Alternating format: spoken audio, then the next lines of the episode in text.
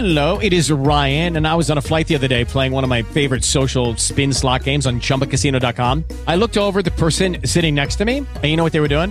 They were also playing Chumba Casino. Coincidence? I think not. Everybody's loving having fun with it. Chumba Casino is home to hundreds of casino style games that you can play for free anytime, anywhere, even at 30,000 feet. So sign up now at chumbacasino.com to claim your free welcome bonus. That's chumbacasino.com and live the Chumba life. No purchase necessary. Group. Void prohibited by law. See terms and conditions. 18 plus.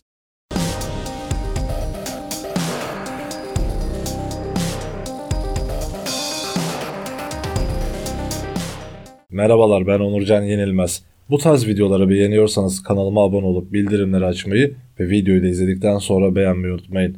Bu arada beni Instagram'dan da takip ederseniz sevinirim. Seri Katiller dosyasında İngiltere Rillington 10 numaralı ev kabusunu izleyeceğiz. Bu evde John Christie adında tehlikeli bir adam yaşıyordu. John öyle bir insandı ki onun yüzünden suçsuz bir insan dar ağacına bile gitmişti.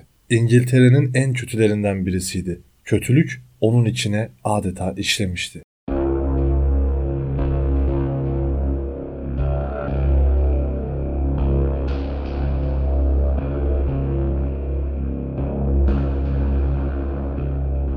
John Reginald Halliday Christie 8 Nisan 1898 yılında Yorkshire Halifax'te dünyaya geldi.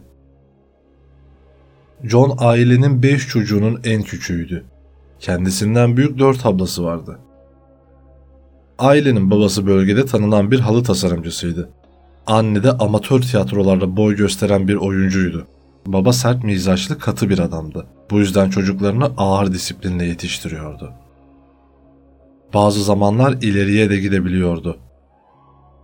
Çocukları yaramazlık yaptığında cezaları kemer oluyordu. John ve ablaları babasının sert kişiliğinin etkisiyle büyümeye çalışıyorlardı. Ama anneleri hep çok sevecendi. Çocuklarını çok seviyor ve onları asla incitmiyordu. Özellikle John'u çok seviyordu. Evde fazla kadın olmasından dolayı küçük çocuk onlardan etkilenerek büyüyordu. Bu yüzden daha çocuk yaşlarda temizlik takıntısı oluşmuştu. Kirden nefret ediyordu. Ayrıca John'un garip bir hobisi de vardı. Parklara oyun oynamaya gitmek yerine o mezarlığa gidiyordu. 8 yaşındayken dedesinin hayatını kaybetmesi onu çok etkilemişti. Dedesi gibi sert bir adamın yaşamının son günlerini bir yatakta hareketsiz geçirmesi onda değişik duygulara sebep olmuştu. Bu yüzden mezarlık ilgisi başlamıştı. Dedesi gibi insanların yattığı yerlerde gezmek heyecan vericiydi. Okul hayatında izcilik gibi sosyal işlere kalkışmasına rağmen arkadaşlarına karşı hep mesafeliydi. Bu yüzden pek bir arkadaşı da yoktu. 15 yaşına geldiğinde de okulu bırakarak sinema salonunda çalışmaya başladı. Bir süre sonra da 1. Dünya Savaşı'nın patlak vermesiyle orduya başvuruda bulundu. John Christie ülkesi adına cephede savaşmak istiyordu. Babasının ağır disiplini yüzünden o bir üniforma aşığına dönüşmüştü. Orduya kabul edilip savaşta cepheye gönderildi. Orduya girmesinden kısa süre sonra da yanında hardal gazı bombası patlamasıyla ciddi hasarlara sebep oldu. İki gözü de görmemeye başlamıştı. Ayrıca gırtlağındaki hasardan dolayı konuşamıyordu da. Bir süre askeri hastanede yattıktan sonra aldığı hasarların fiziksel değil, psikolojik olduğu anlaşıldı. Ama John Christie bu halini sürdürmeye 3 yıl devam etti. Daha sonra da kendisine bir maaş bağlanarak 1919 yılında ordudan ayrıldı. 1920 yılında geri döndüğü Halifax'te postanede çalışmaya başladı. Bu yıl içerisinde aynı bölgede yaşayan Ethel Weddington adlı genç kadınla hayatlarını birleştirdiler. Ama evlilikleri hiç de iyi değildi. Cinsel hayatlarında uyum sağlayamamışlardı. Bu yüzden John sürekli başka kadınlara gidiyordu. Zamanla bunu daha da alışkanlık haline getirdi. Bir evliliğinin olması umrunda değildi. John Christie bu yıllarda hırsızlığa da girmişti. Postanede havaleleri cebine indiriyordu. Sonunda yakalanınca ilk kez hapishanenin yolunu tuttu. Hapishaneye girmesi de son olmayacaktı. İlk cezasının ardından doğru düzgün iş bulamayınca Yorkshire'ı terk etti. Bu yüzden Londra'ya taşınmaya karar verdi. Evlilik konusunda berbat bir adam olduğu için eşini kendisiyle beraber götürmedi. Tabi Christie burada da rahat durmuyordu. Hırsızlık suçlarından sürekli hapse girdi çıktı. Yeni yaşadığı bölgede bir hayat kadınıyla birlikte yaşıyordu. Bir gün kafası attıktan sonra ona şiddet uygulayınca yine mahkemelerdeydi. Bu suçtan 9 ay ceza aldı. Hapisten çıkıp bu kez de bir rahibin arabasını çalınca adresi yine aynı yer oldu. 4 yıl hapis cezasına çarptırıldı. John Christie hiç rahat durmayan bir adamdı. Sürekli kanunla başı dertteydi. Bu onun bir yaşam tarzı haline dönüşmüştü. Hapishanedeyken eşi Ethel'la mektuplaşmaya başladı. Çıkar çıkmaz da karısına yeni bir hayat kurma teklifinde bulundu. 1933 yılında Ethel teklifi kabul edince yıllardır görmediği eşinin yanına Londra'ya taşındı. Yeni hayatlarında birbirleriyle artık anlaşabiliyorlardı. 1938 yılında John Christie ve Ethel her şeyin başlayacağı Rillington sokağı 10 numaraya taşındılar. Taşındıkları bina 3 kattan oluşuyordu. Çamaşırhane ve tuvaletler ortaktı. Eski, bakımsız bir binaydı. 1939 yılında 2. Dünya Savaşı'nın yavaş yavaş başlamasıyla ülkede sıkı yönetim ilan edildi. Herkes askere çağrılıyordu. Fakat genç nüfus yetersizdi. Bu yüzden John Christie gibi sabıkalı bir adamı bile dikkat etmeden göreve aldılar. John'un savaş sırasındaki görevi polis yedek kuvvetleriydi. Adam o kadar sert bir polis olmuştu ki bölge halkı tarafından kısa sürede korkulan birisi haline dönüşmüştü. Özellikle kadınları takip ediyordu. Evliliğinin düzelmiş olmasına rağmen kadınlara olan zaafı devam ediyordu. Tanıştığı kadınları direkt evine getirebiliyordu. Ethel'ın sürekli şehir dışına yaptığı akraba ziyaretleri onun için büyük bir fırsattı. Ethel'ın yine şehir dışında olduğu bir gün John akşam bara gitmeye karar verdi.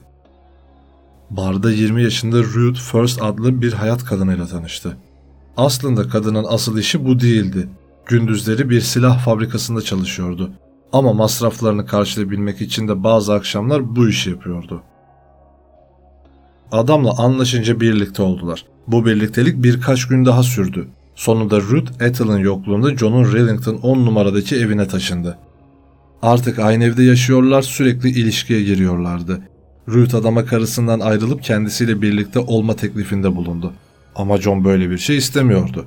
Yaşadığı ilişkinin boyutunun değiştiğini fark etmiş olacak ki bir akşam yine birlikte olurlarken yatağın yanında gizlediği ipi çıkararak genç kızın boynuna geçirdi. Çok güçlü bir şekilde sıkıyordu. Sonunda Ruth nefessiz kalarak hayatını kaybetti. Şimdi kimse görmeden ondan kurtulması gerekiyordu. Evin giriş katında yaşadığı için altında kimse yoktu. Ahşap döşemeleri sökerek genç kızı oraya koydu. Olayın sabahında Ethel eve döndüğünde ortalıkta şüphe uyandıracak hiçbir şey yoktu. John Christie soğukkanlılıkla olayı idare edebiliyordu. Kızı orada bırakamazdı. Ertesi gün herkes evden çıkınca eline bir kürek alarak arka bahçeyi kazmaya başladı. İşlemi bitirince de kızı oraya defnetti. Eşyalarını da bir varille çöplerle birlikte yaktı. Bu sırada genç kızın ortalıkta olmadığı anlaşılınca ailesi polise ihbarda bulundu.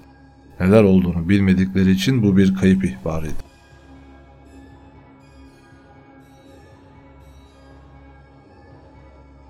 Savaşın artık bitmesine kısaca bir zaman kalmıştı. Bu yüzden John da görevden alınarak yeniden sivil hayatına döndü. Sivil hayatında radyo fabrikasında iş bulmayı da başardı.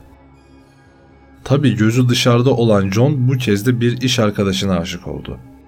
Muriel Edie adlı 31 yaşındaki kadına abayı yakmıştı. Fabrikada onu ne zaman görse aşktan kalbi duracak gibi oluyordu. Kendisinin evli olması onun için bir engel değildi. Onun için engel olan şey kadının erkek arkadaşı olmasıydı. Bir şekilde kadınla ilişki yaşamalıydı. Kafasına takmıştı onunla vakit geçirebilmek için erkek arkadaşıyla eve davet edip ailecek vakit geçiriyorlardı. 1944 Ekim ayında Ethel yine akrabalarını ziyarete gidince John'un aradığı fırsat eline geçti. Muriel'in yaşadığı sağlıkla ilgili sorunlardan dolayı burnu hep tıkalıydı. Christie onun bu sorununu çözebileceğini söylüyordu. Kadın arkadaşı zannettiği adamın evine gönül rahatlığıyla giderek tedavi edileceğini düşündü. Ama John kadına yalandan hazırladığı karışımla burnuna buhar verirken bir yandan da kömür gazı koklatıyordu. Sonunda kadın karbon monoksite fazla maruz kalmaktan bayıldı. John Christie de asla vakit kaybetmeden kadınla cinsel ilişkiye girdi. İşini bitirdikten sonra da bir kadın çorabıyla kadının canına kaydı. Sakince onu da bahçeye gömdü. Daha önceki kızın hemen yanıydı. Bu sırada şansı yaver gidiyor, hiçbir komşu onu görmüyordu. Artık John'un gideceği yol belliydi. Onun yolunda kötülük vardı, cinayet vardı. 1948 yılında John ve Ethel'ın yaşadığı evin üst katında yeni bir çift taşındı. Timothy ve Beryl Evans yeni evlenmiş genç çiftlerdi. Evlendiklerinde hamile olan Beryl kısa süre içinde doğum yaptı. Ama evlilikleri pek iyi değildi. Sık sık kavga ediyorlardı. Alt katta yaşayan Christie'ler de bu sesleri duyuyordu. Timothy 70 IQ'ya sahip olduğu için zeka geriliği vardı. Bu yüzden karşısındaki onu anlamadığı zamanlar öfke nöbetleri geçiriyordu. Eşi Beryl'la da kavga sebepleri böyle zamanlardı. Yeni doğan bebekleri bir yaşını aştıktan sonra ilişkileri daha kötüye gidiyordu. Neredeyse ayrılacaklardı ki Beryl yeniden hamile olduğunu öğrendi. Zaten geçinmekte aşırı zorlanan aile yeni bir çocuğa bakamayacaklarını biliyordu. Beryl için önündeki tek çözüm çocuğu aldırmaktı. Timothy ilk başlarda bunu kabul etmese de sonrasında mecbur kaldı. Ama o yıllarda İngiltere'de savaştan sonra azalan genç nüfustan dolayı çocuk aldırmak yasaktı. Bu işi gizli bir şekilde yapmaları lazımdı.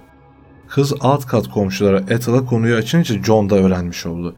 John komşularının evine giderek askerde bu işi yapmayı öğrendiğini, oradayken birkaç başarılı operasyon yaptığı yalanını söyledi. Çocuk aldırma konusunda isteksiz olan Timothy'nin evde olmadığı bir gün kadının yanına giderek işlemi yapabileceklerini söyledi. Kadın da komşusuna güvendiği için işlemi ona yaptıracaktı.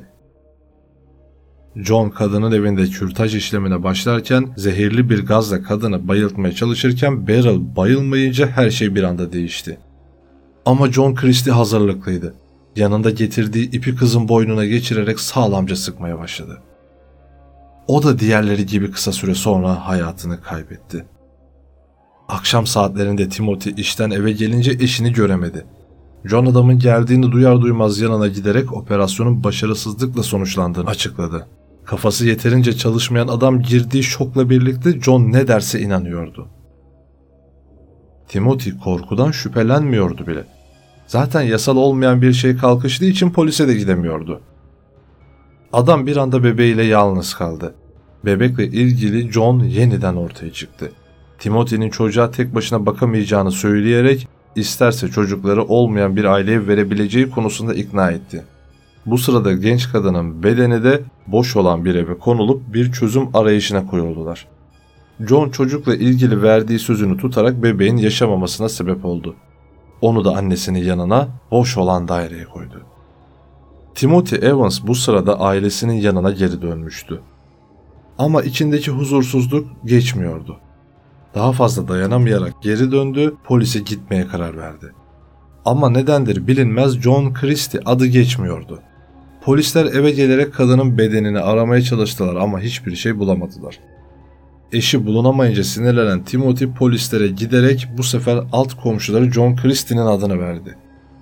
Sorguya çekilen John, Evans'lar arasında ciddi bir geçimsizlik olduğunu, adamın polislere yalan söylediğini iddia etti. Mahkeme çıkarılan Timothy Evans bir türlü insanları ikna edemiyordu. Durduk yere cinayetten yargılanıyordu. Mahkemede uyguladığı şiddeti de kabul edince artık Timothy üzerinde ihtimal arttı. Duruşmalar sonunda Timothy Evans hiç hak etmediği bir ceza aldı. İdam cezası. Genç adam resmen başka birisi yüzünden dar ağacına gidecekti. Bu sırada John Christie de savcılığın tanığıydı. İnanılmaz şeyler yaşanıyordu. 1950 yılında yaşanan duruşmalar aynı yıl bitince Timothy Evans için idam cezası verildi. Duruşmaların hemen ardından da idam edilerek hayatını kaybetti. Resmen yok yere karısını ve çocuğunu öldürmekten en ağır cezayı almıştı. John Christie de bir kez daha yırtmıştı. Binada yalnızca Ethel ve John kalmıştı. John Christie artan depresyonu yüzünden bir süredir işsizdi. Hastalık hastasına dönüştüğü için sürekli başı ağrıyordu. Bu yüzden ne çalışabiliyordu ne de düzgün bir yaşam sürebiliyordu. Sürekli evdeydi. Gittikçe zayıflamaya da başlamıştı. Zaman zaman Ethel'dan sıkılıyordu. Kadın uzun zamandır akrabalarını ziyarete gitmiyordu. Haliyle John da eve birilerini getiremiyordu. Hayallerini gerçekleştirememesi kadına karşı daha da öfkeli olmasına sebep oluyordu. 1952 yılında binaya yeni komşuları taşındı. Jamaikalı olan göçmen çiftin taşınması Ethel'ı hiç mutlu etmemişti. İnsanları renginden dolayı kendisinden alt seviyede olduğunu düşünüyordu. Bunu da sık sık John'a anlatıyordu. Zaten bu evlilikten iyice bunalmış olan John için olay iyice ızdıraba dönüşüyordu. Sonunda bir gün beraber uyurken kadının boğazına çökerek hayatını kaybetmesine sebep oldu. Döşeme tahtalarını kaldırıp kadını oraya koydu. Etraftaki Ethel'ın arkadaşlarına karısının seyahate çıktığını söylüyordu. İnsanlara sahte mektuplar gönderip şüphelenmelerini engelliyordu. Kadının el yazısını ve imzasını çok iyi taklit edebiliyordu. Bu sayede Ethel'a ait banka hesabını da boşaltabilmişti. John Christie bu dönemden sonra iyice raydan çıkmıştı. Arka arkaya üç kişinin de aynı şekilde yaşamına son verdi. Üçünü de Ethel'ın yanına döşemelerin altına koydu. İyice psikolojisi bozulmuş burada duramaz olmuştu. Sonunda kimseye tek kelime etmeden evdeki tüm eşyaları satıp evi terk etti. Ev sahibi kiracısının çıktığını öğrenince yeni kiracı aramaya başladı. Üst katı ve alt katı aynı aileye kiraya verebildi. Aile eve yerleştiğinde pis kokular geliyordu. Onlar da muhtemelen döşemelerin altında buna sebep olan bir hayvan ölüsü olabileceğini düşünüyordu. Evin erkeği döşemeleri kaldırdığında şok olmuştu. Gördüğü şey kadın bedeniydi. Hiç vakit kaybetmeden polise gitti. Polis ekibi inceleme için geldiğinde karşılarına inanılmaz şeyler çıktı. Döşemenin altında dört kadın bedeni vardı. Araştırmaya devam edip bahçede de inceleme yaptıklarında iki bedenle daha karşılaştılar. Hepsi çok kötü kokuyordu. Resmen ev bir mezarlıktı. Polisler evde daha önce yaşayan ismin John Christie diye birisi olduğunu öğrendi. Her yere adamın afişini astılar. Gazetelere ilanlar verdiler. Adam her yerde aranıyordu. John için çember daralıyordu. Sokaklarda rahat rahat gezmesi imkansızdı. Parklarda köprü altlarında uyuyordu. Cebinde parası da kalmamıştı. Yakayı ele vermesi an meselesiydi. Polisler de gece gündüz sokaklarda adamı arıyordu. Sonunda bir polis yolda şans eseri bu adamla karşılaştı. Onun John Christie olduğunu hemen anlamıştı. Artık sona gelmişti. Yakalandığında cebinde Timothy Evans'ın idam cezası ile ilgili gazete küpürü vardı. Sorguya alındığında hiçbir şey hatırlamadığını söylüyordu. Bunları bilerek yapmadığını iddia etti. Karısının ciddi acılar çektiğini ve buna son vermesi gerektiğini söyledi. Zaten diğerleri hayat kadınlarıydı ve onu soymak istemişlerdi. Bu sebeple onların da sonunu getirdiğini ve suçsuz olduğunu söylüyordu. Tabii ki suçluydu. 22 Haziran 1953 yılında mahkemeye çıkarıldı. Polislere anlattığını mahkemede hakime de anlatıyordu. Ama mahkeme sırasında deli gibi hareketler yapıyordu. Sorulara bazen cevap vermiyor, bazen de cevap veriyordu. Bu yüzden savunma avukatı idamdan kurtarmak için deli olduğuna dair savunmada bulunuyordu. Dava çok uzun sürmedi. İşlediği suçlar ortadaydı. Jüri kararını geciktirmeden verdi. Verilen ceza idamdı. Cezayı da bekletmek için hiçbir sebep yoktu. Aynı yıl içinde 1953'te cezası infaz edilerek hayatını kaybetti. Rillington sokağı 10 numaradaki kötülük son buldu.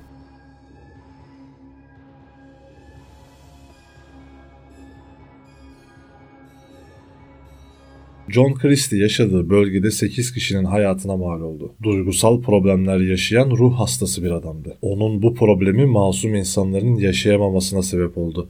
Hatta onun yerine suçsuz bir insan bile hayatını kaybetti. Christie'nin kötülüğü daha fazla sürmeden 1953 yılında son buldu. Bu videonun da sonuna geldik. Bir sonrakinde görüşmek üzere. Kendinize çok iyi bakın.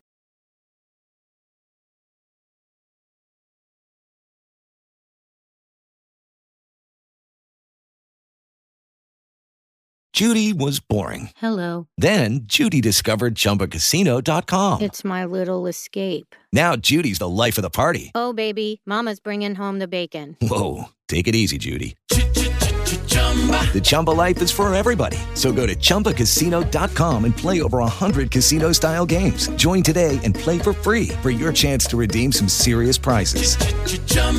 ChumbaCasino.com. No purchase necessary. Void where prohibited by law. 18 plus terms and conditions apply. See website for details.